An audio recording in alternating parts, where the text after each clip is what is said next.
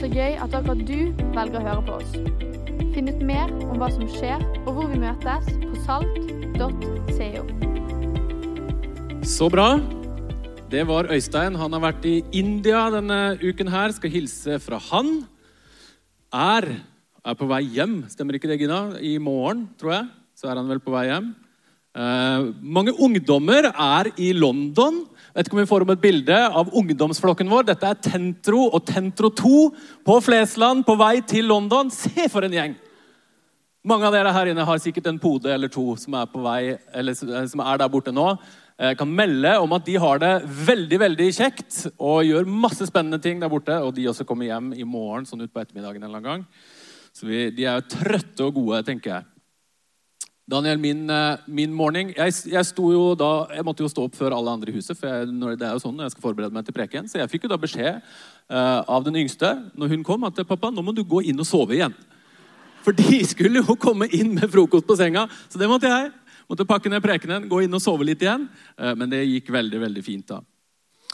Vet ikke hvordan det var hjemme hos deg der du vokste opp, men uh, i min familie, der eh, jeg vokste opp, så snakka vi egentlig ikke så veldig mye om penger.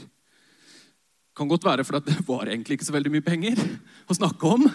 Eh, veldig mange barn, veldig mange søsken har jeg, med veldig lite penger. Eh, men, men jeg tror ikke vi var aleine om det i vår familie. Jeg tror det er litt sånn i Norge.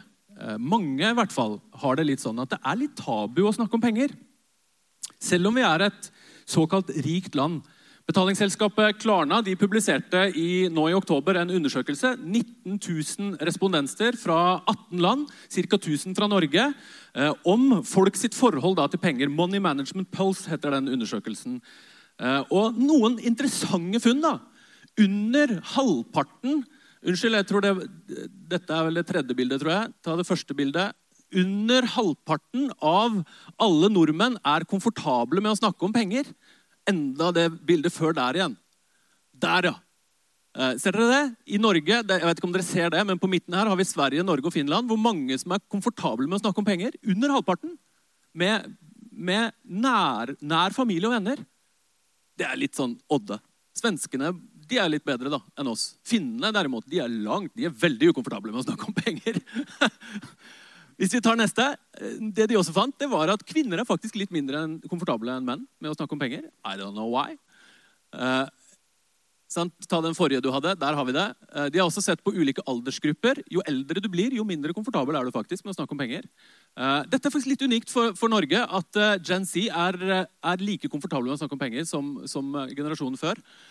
resten av verden er de mye mindre komfortable med å snakke om penger.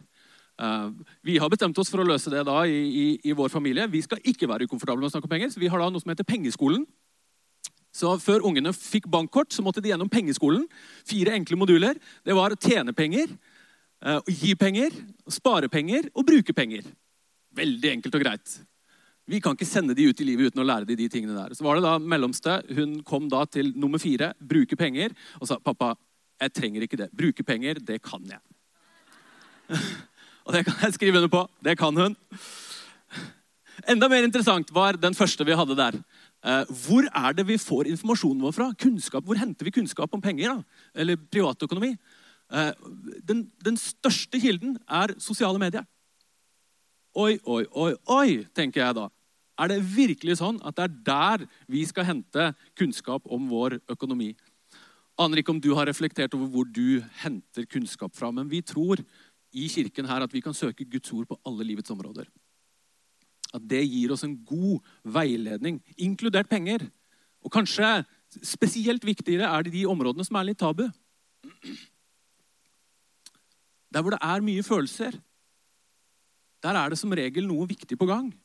Eh, og Derfor så er det viktig at vi også snakker om det i kirken. Få ting sier så mye om hvem du er, og hva som er viktig for deg, som kontoutskriften din hva du bruker penger på. Jesus han snakka masse om det. Noen sier 16 av Jesus sine 38 lignelser handler om penger, eiendeler, forvaltning osv. I hvert fall 11, altså 30-40 litt avhengig av hvordan du ser det, eh, av lignelsene til Jesus. Kanskje spesielt viktig er det for oss i forbrukersamfunnet, i Velstands-Norge, verdens rikeste land, der materialismen på en måte klebrer seg til oss, enten vi vil det eller ikke. Og så fins det selvfølgelig gode og dårlige måter å snakke om penger på. Eh, og jeg skal gjøre mitt beste på å snakke om det på en god måte. I denne kirken så snakker vi ikke med pekefingeren sånn og alt det du burde og skulle og måtte. Eh, jeg liker ikke sånn. La oss heller snakke om hvorfor. Eh, og det er med dette som med all annen forkynnelse som vi gir. Vi forkynner frimodig det som står i Bibelen, og det vi tror at den sier til oss i dag. Men du er selvfølgelig helt fri til å forholde deg til det sånn som du ønsker. Eh, og I dette rommet her så er det folk med alle mulige historier og alle mulige oppfatninger om dette med givertjeneste eh, og tiende, som vi skal snakke om i dag. Du må ikke ta det imot. Du må ikke være enig. Det er lov å gå hjem og sjekke det ut og teste det ut. og prøve det. Men det vi tror, det vi tror er at eh, Den hellige ånd han ser deg, han kjenner deg, og han er i stand til å tale direkte til deg. Så jeg oppfordrer å gjøre det som Daniel eh, oppmuntra til her tidligere. Høre med han. Hva er det han sier til oss? For når han snakker, så vet vi det, at det er utelukkende til det gode og til det beste for oss. Er det greit? I dag så skal vi da snakke om tiende og hellige gaver eller offergaver, eller hvordan du velger å se det. Jeg skal snakke mest egentlig om tiende, og håper at du vil ha enda litt mer kunnskap om hva tiende er for noe. Hva, hva Bibelen egentlig sier om det. Eh, og hvilken, hvilket liv som egentlig finnes i den praksisen. Eh, og Hvis du er her og du er litt fremmed med dette med kirke, og sånn, eller hvis du ikke tror så veldig mye, så bare sett deg fram på stolen. Følg med, for dette her blir kjempeinteressant. Eh, og kanskje blir du også overraska over hvor relevant dette er. Jeg skal til et av de versene som er mest sitert, mest brukt, og kanskje også et av de viktigste når det gjelder dette med tiende. Nettopp Malaki, profeten Malaki, kapittel 3, vers 10. Og Der sier profeten, dette er den siste boken i Det gamle testamentet, Kom med hele tienden til forrådskammeret, så det finnes mat i mitt hus. Prøv meg på denne måten, sier Herren over herskarene. Jeg skal sannelig åpne himmelens sluser og øse ut over dere velsignelse uten mål. Herre, jeg takker deg for ditt nærvær her. Takk, Herre, for at du er i stand til å tale til oss i dag. Jeg ber om hjelp, Herre, til å si det som du ønsker å få fram. Og jeg ber Helligånd om at du taler til hver enkelt her inne, Herre, med din gode oppmuntrende stemme i vårt indre. I Jesu navn.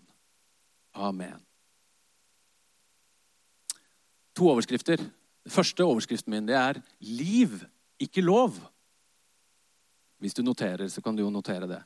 Jo, noen spørsmål som er veldig relevante når vi snakker om dette med, med tiende. Og, og, kanskje det viktigste er jo, ja, men er ikke det en ordning liksom, fra den gamle delen av boka? Det gamle testamentet. Eh, og fra loven, den jødiske loven som de skulle følge, det, gjelder det fortsatt på mange måter? Er det fortsatt noe vi trenger å forholde oss til som kristne? Vel, jeg lover å komme til det, men da må vi kanskje først forstå hva er tiende for noe? Hva var det egentlig Gud tenkte? Eh, og tiende det betyr rett og slett noe så enkelt som en tiendedel.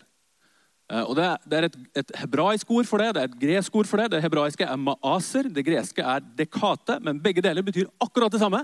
En tiendedel. Hadde de hatt matte på den tiden, der, så hadde de sikkert sagt 10 eh, Men det hadde de ikke. Det var sikkert før noen hadde funnet opp prosent. Men, men det er en tiendedel. Det er 10% Det er det det er.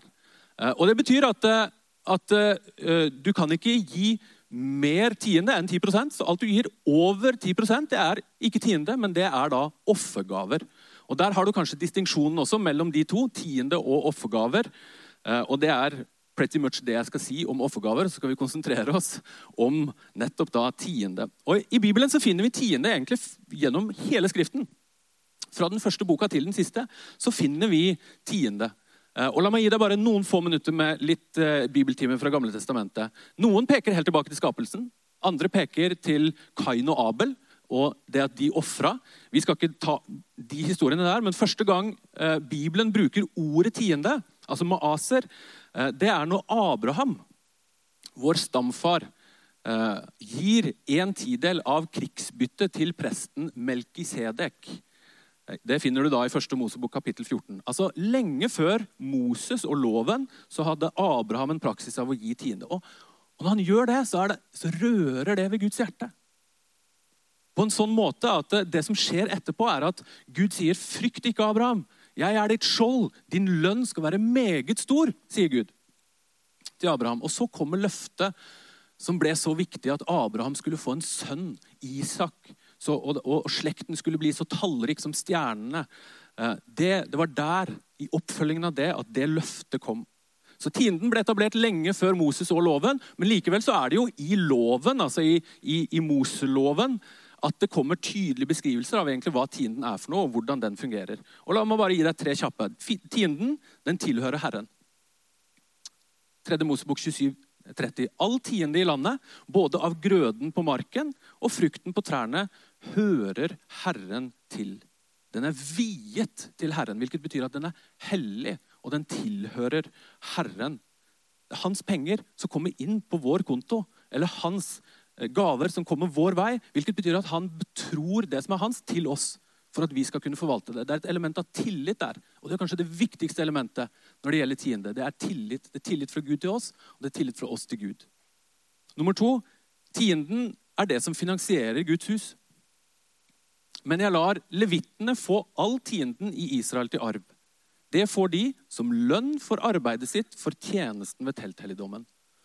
Levittene det var den stammen av de tolv stammene som ikke fikk eget land og ikke fikk egen jord fordi de skulle gjøre akkurat dette, og tienden skulle være deres lønn. Så Gud han stoler på oss for å ta ansvar for sitt hus.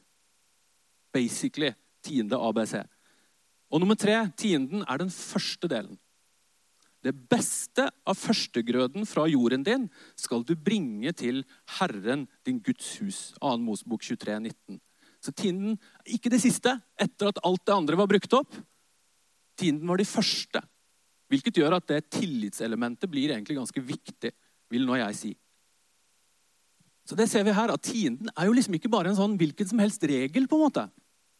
Sånn nice to have-steg i troslivet hvis du har rom i økonomien og kapasitet til det. Nei, det er jo selve det som sørger for det åndelige livet i folket. At Gud har en tilstedeværelse, at, at gudstjenesten og gudsfrykten er på plass, og at prioriteringene det, kommer i rett rekkefølge, at Gud får den plassen han skal ha. At det kan være glede og velsignelse i livet. Det er ikke bare en regel, det er et livsprinsipp fra Gud. Det er liv i tienden. Det er noe som har liv i seg. Ikke rart det var viktig for Gud. Og Spol mange år fram. Ikke rart at Gud da blir fortvila når folket har glemt det helt bort settingen i eh, profeten Malaki. De fleste er enige om at profeten Malaki er skrevet omtrent på Nehemia sin tid. Og eh, Nehemia eh, det var han som kom tilbake for å bygge opp igjen Jerusalem etter at israelsfolket hadde vært i eksil. Så Israelsfolket de hadde glemt Gud.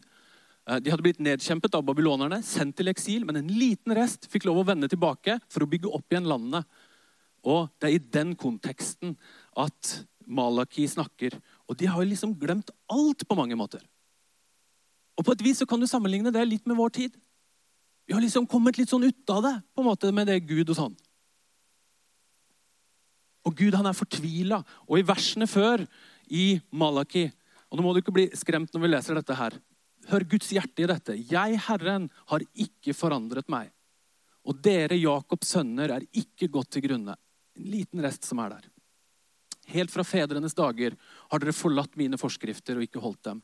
Vend tilbake til meg, så skal jeg vende meg mot dere, sier Herren over herskarene.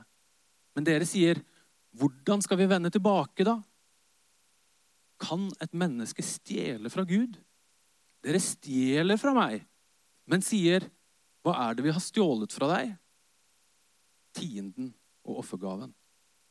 Under forbannelse er dere. Dere stjeler fra meg hele folket.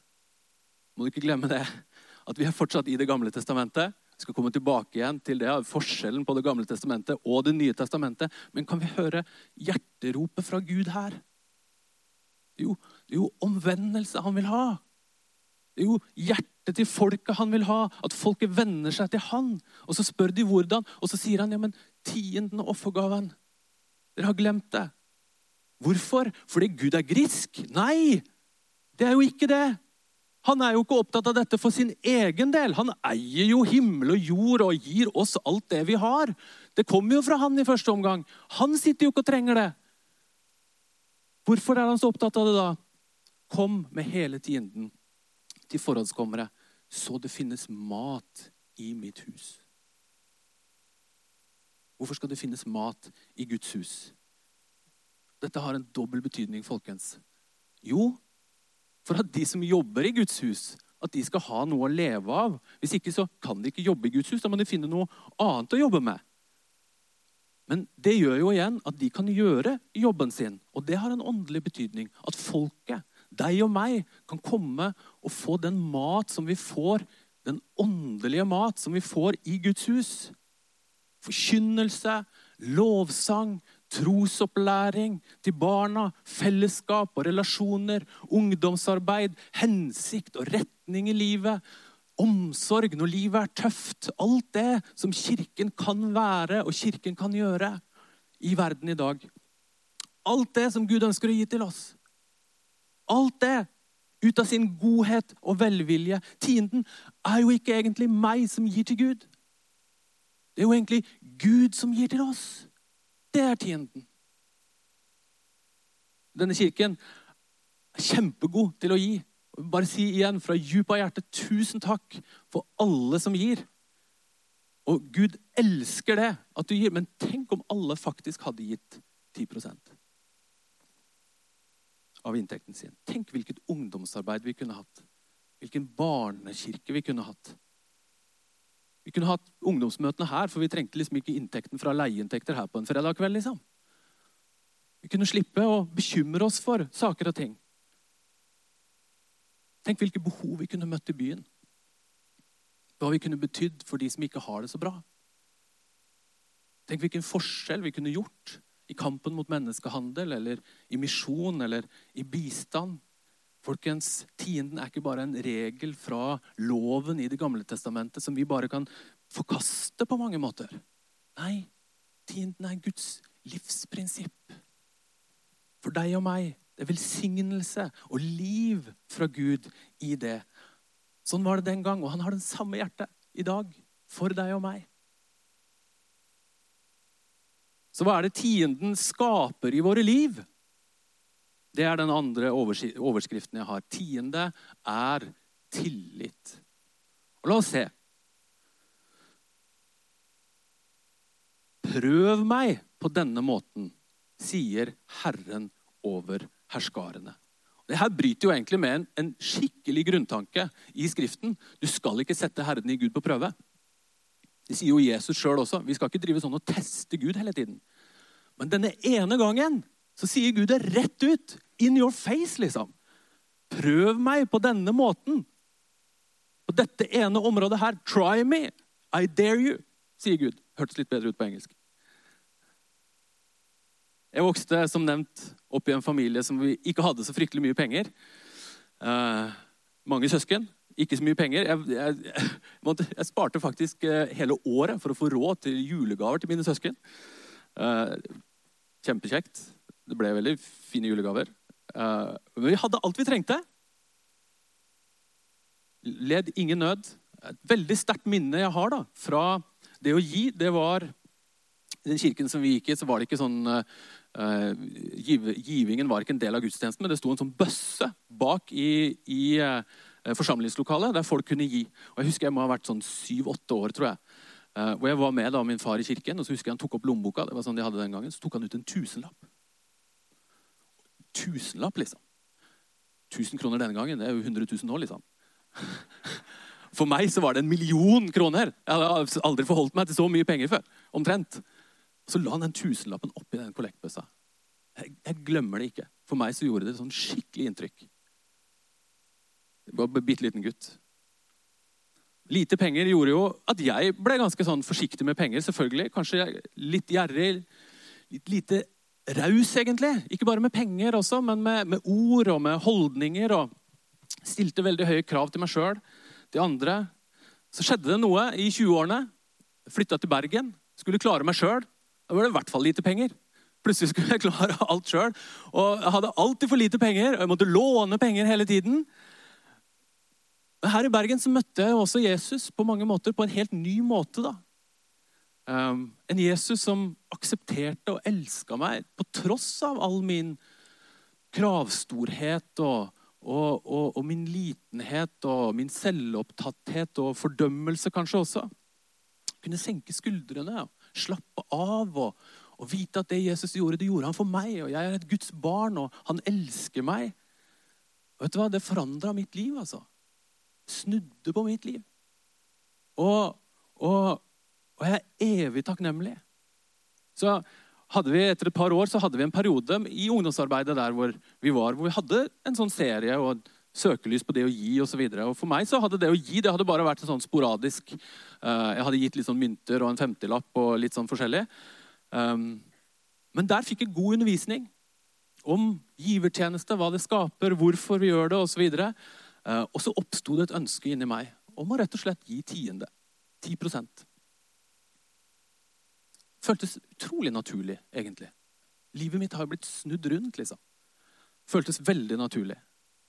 Uh, og jeg husker den sommeren der hadde jeg jobba i hjemmesykepleien. Hadde tjent 30 000 kroner på å jobbe i sommerjobb i hjemmesykepleien. Så tiende det var liksom 3000. Og jeg husker jeg gikk da fra Marken 27 og bort til minibanken i Kaigaten. hvis dere husker, den var liksom alltid der, Sparebanken Vest. Tok ut 3000 kroner, fant en konvolutt, putta det oppi der. Uh, og så gikk jeg tilbake, og så ga jeg det første gang jeg ga tiende. Det var jo en kamp rundt det, liksom. Her inne. Var, jeg kjente hjertet dunka sånn skikkelig når jeg skulle gjøre det. Men det var bare så riktig for meg å gjøre det. Og siden det så har jeg gitt tiende. 10% Og min kone har samme praksisen som når vi fant hverandre så har det vært en helt naturlig ting å gjøre for oss opp igjennom hele å gi 10% Og Jeg er glad for at vi starta der, i det små, fordi at nå er det jo andre summer. Eh, men den praksisen den hadde vi med oss derfra. Kanskje kan det virke som en veldig høy, et høyt ideal å si ut i en forsamling sånn som dette. og Du kjenner ditt liv, og du kjenner din givertjeneste. Men jeg har så lyst til å inspirere deg til å se gevinsten, løftene som er knytta til dette. Og om det er et for stort sprang å gjøre med en gang Det går faktisk an å sette seg noen mål og øve opp givermuskelen. Og jeg har så lyst til at du skal se praksisen, gevinsten. Givertjeneste og tiende, folkens, det er en kristen øvelse. Men hva er det egentlig en øvelse i? Hvis, eh, hvis dette her borte, hvis det er, representerer da inntekten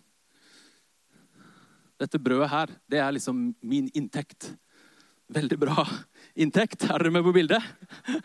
Den kommer inn, og så føler jeg bare Det flyr jo bare rett ut igjen, føler jeg da. Alt sammen, egentlig. Flyr rett ut igjen. Det er bra med inntekt, men det meste går bare Og det jo, kan jo skape bekymring. Det kan skape stress. Det kan skape uro. Og særlig nå, hvor det er litt sånn dårlige tider. Jeg merker jo det at ja, det krever hardere prioritering. Det krever en større tro. Vips, så er kontoen tom, liksom. Men hva er det som skjer egentlig når vi gir tiende? Skal prøve å gjøre dette samtidig som jeg holder denne mikrofonen. Prøve å finne omtrent der hvor det er 10% Tror du jeg klarer dette? Her blir dette 10, 10% eller gjør det ikke det? Sånn. Er det omtrent? Var det litt mye? Det er omtrent 10, er det ikke det? Dette er en tiendedel. Det er ni tiendedeler er ikke egentlig så stor del. da. Egentlig så er det ikke så stor del. Men det virker jo mye. Når alt det der bare flyr ut, så virker jo dette utrolig mye.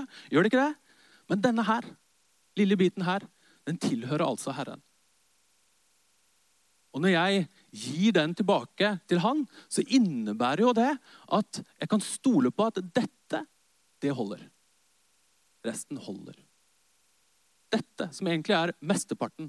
Og og det virker jo på mange måter litt sånn drøyt, men det funker. Jesus han var jo veldig tydelig på dette.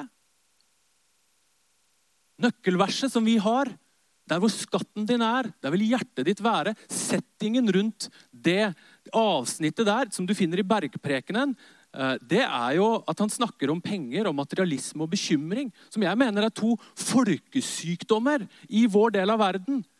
Han sier ingen kan tjene to herrer, sier han. Han vil hate den ene og elske den andre, eller holde seg til den ene og forakte den andre. Dere kan ikke tjene både Gud og mammon. Og så går han inn når han har sagt det, så går han inn og adresserer bekymringer helt direkte.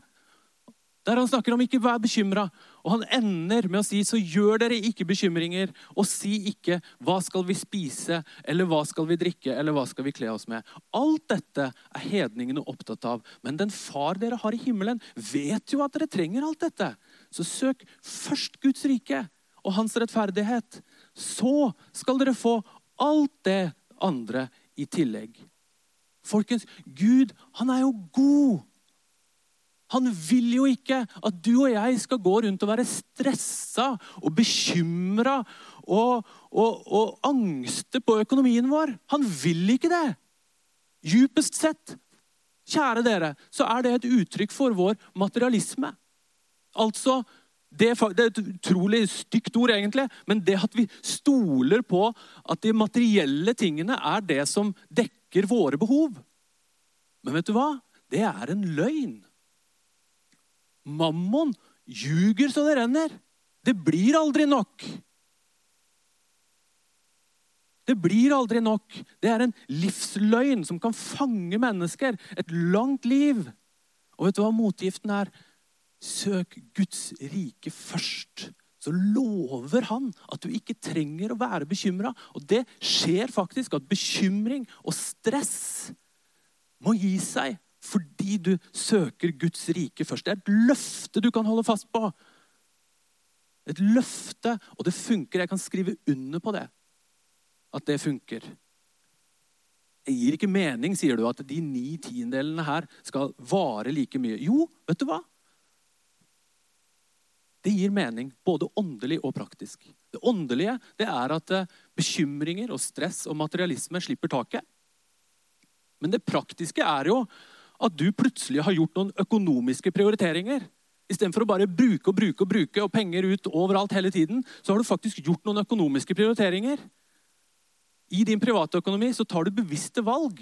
Og det er utrolig mye å hente folkens, på å ta bevisste valg i sin privatøkonomi. De 90% de rekker mye lenger enn du tror. Forbrukerfrue hun ville sagt det. Du er rikere enn du tror. Det rekker mye mer enn du tror. Hva er det egentlig som skjer her, folkens? Ja, vi blir mindre stressa, mindre bekymra, mindre materialistisk. Og ja, eh, vi får bedre bevisste valg. Men enda viktigere er at du bygger opp en tillit til Gud. Du bygger opp en evne og en kapasitet til å stole på Gud. Tiende er tillit. Han utfordrer deg. Try me. Prøv meg. Dette er det beste tidspunktet å prøve på hvis du er full av bekymring for økonomien. Det beste tidspunktet å prøve på. Tillit til Gud er jo egentlig et sykt praktisk måte å bygge opp tillit til Gud. hvis du tenker over det. Det er mange ting vi går igjennom her i livet, men her peker han på en veldig tydelig, praktisk, enkel ting å bygge opp tillit til Gud på. Og tillit til Gud folkens, det er ufattelig verdifullt. Når livet røyner på, når, når, når utfordringene dukker opp i livet, vet du hva? tillit til Gud det kommer du virkelig til å dra nytte av. Eller når du hiver deg ut i noe nytt og spennende. Prøv meg på denne måten, sier Herren over herskarene. Jeg skal sannelig åpne himmelens sluser og øse ut over dere velsignelse uten mål. Hva er velsignelse for oss i Velstands-Norge liksom, med stappfulle kalendere og stappfulle kontoutskrifter. Vi løper av gårde i livet. Bruker tid og bruker penger i høyt tempo. Jeg har begynt å få sånne e-poster om Black Friday. Har dere også det? Ah, jeg hater Black Friday! Det er liksom oss på vårt verste! Dette liksom, Jeg bare prøvde å finne et bilde. Dette er oss på vårt verste. liksom. Black Friday. Vi bare jager og brøyter oss fram etter jakten på en litt bedre deal. liksom, For du kan bruke enda mer penger. Du bruker jo ikke mindre penger på Black Friday selv om det er tilbud. Du bruker sykt mye mer penger på Black Friday fordi det er tilbud. Vi kan ikke tjene både Gud og mammon. Lære seg å si nei til seg sjøl er helt essensielt, folkens. For din helse. Og jeg tror at to av Guds viktigste gaver til oss er hviledagen og tienden. Og La meg forklare hvordan begge de to funker på samme måte. Hviledagen I dag så vet vi jo mye mer om viktigheten av å hvile. Gjør vi ikke det? Det å ta imot, det å bli fylt opp, da får du energi. Det å si nei til å produsere og jobbe én dag i uken, så sier du egentlig ja til alle de seks andre dagene. Og Vi kan nikke intuitivt fordi vi skjønner at det er sånn. Vi får mer energi, vi har mer overblikk, vi prioriterer bedre. Vi, vi treffer bedre med tidsbruken vår. Og vi har det bedre. På samme måte med tienden, folkens.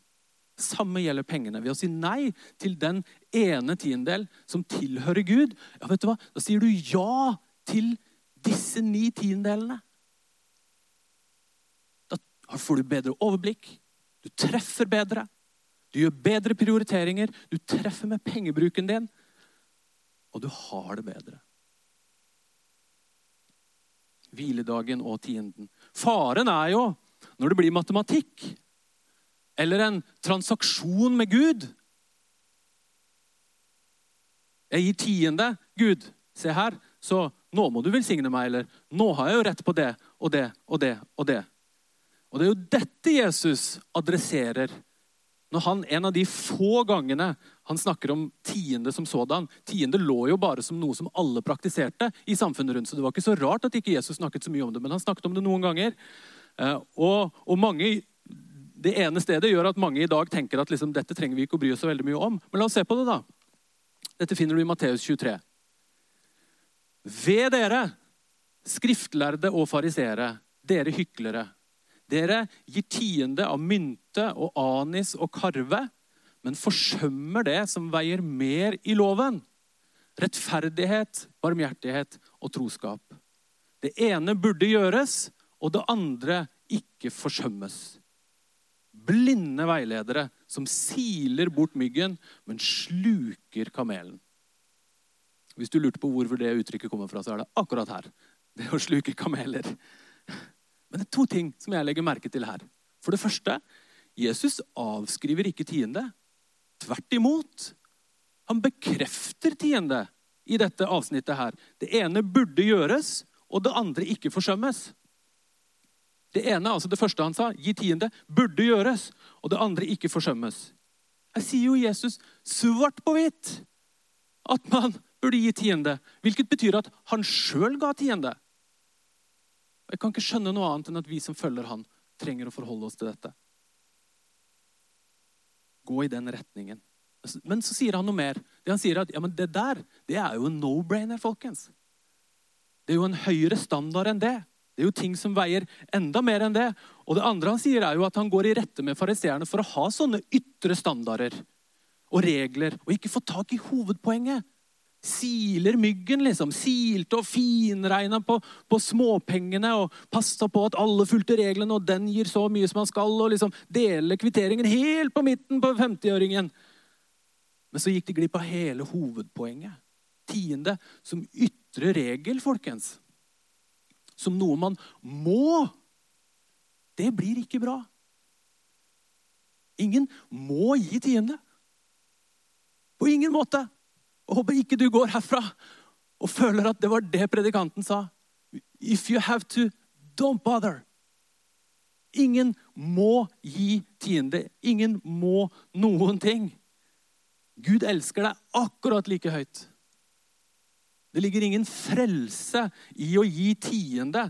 Det er ikke en transaksjon. Vi kan ikke kjøpe en relasjon med Gud. Det er det, Jesus tar oppgjør med. Og faktisk 1500 år etter måtte Luther ta oppgjør med akkurat det samme. For det kalles avlat. Og tro det, at du kan kjøpe deg til relasjon med Gud. Heldigvis så ble vi kvitt det. Luther han fiksa opp i det, liksom. Men Guds bud til oss,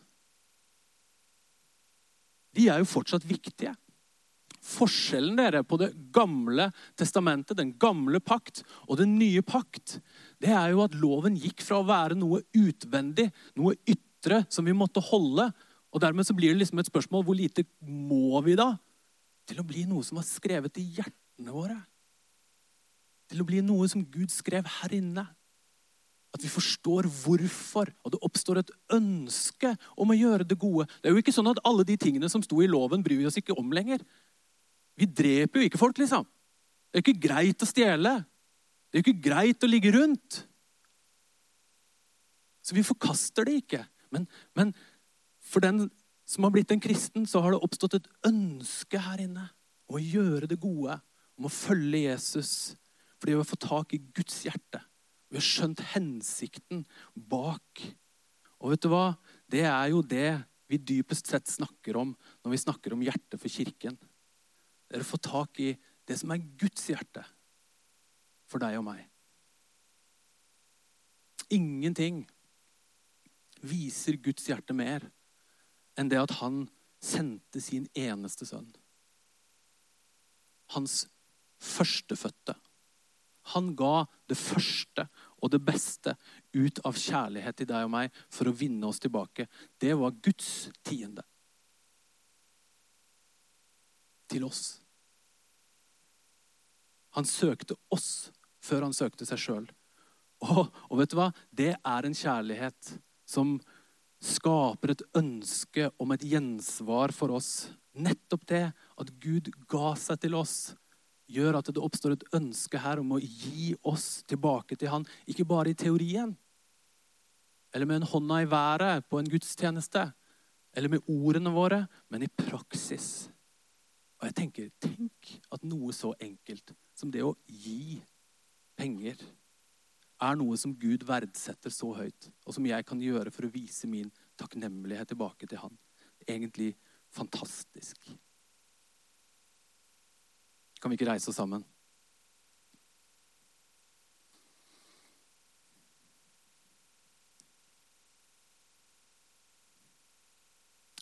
Tror jo egentlig ikke at noen av oss ønsker å være full av materialisme og bekymringer og stress og gjerrighet.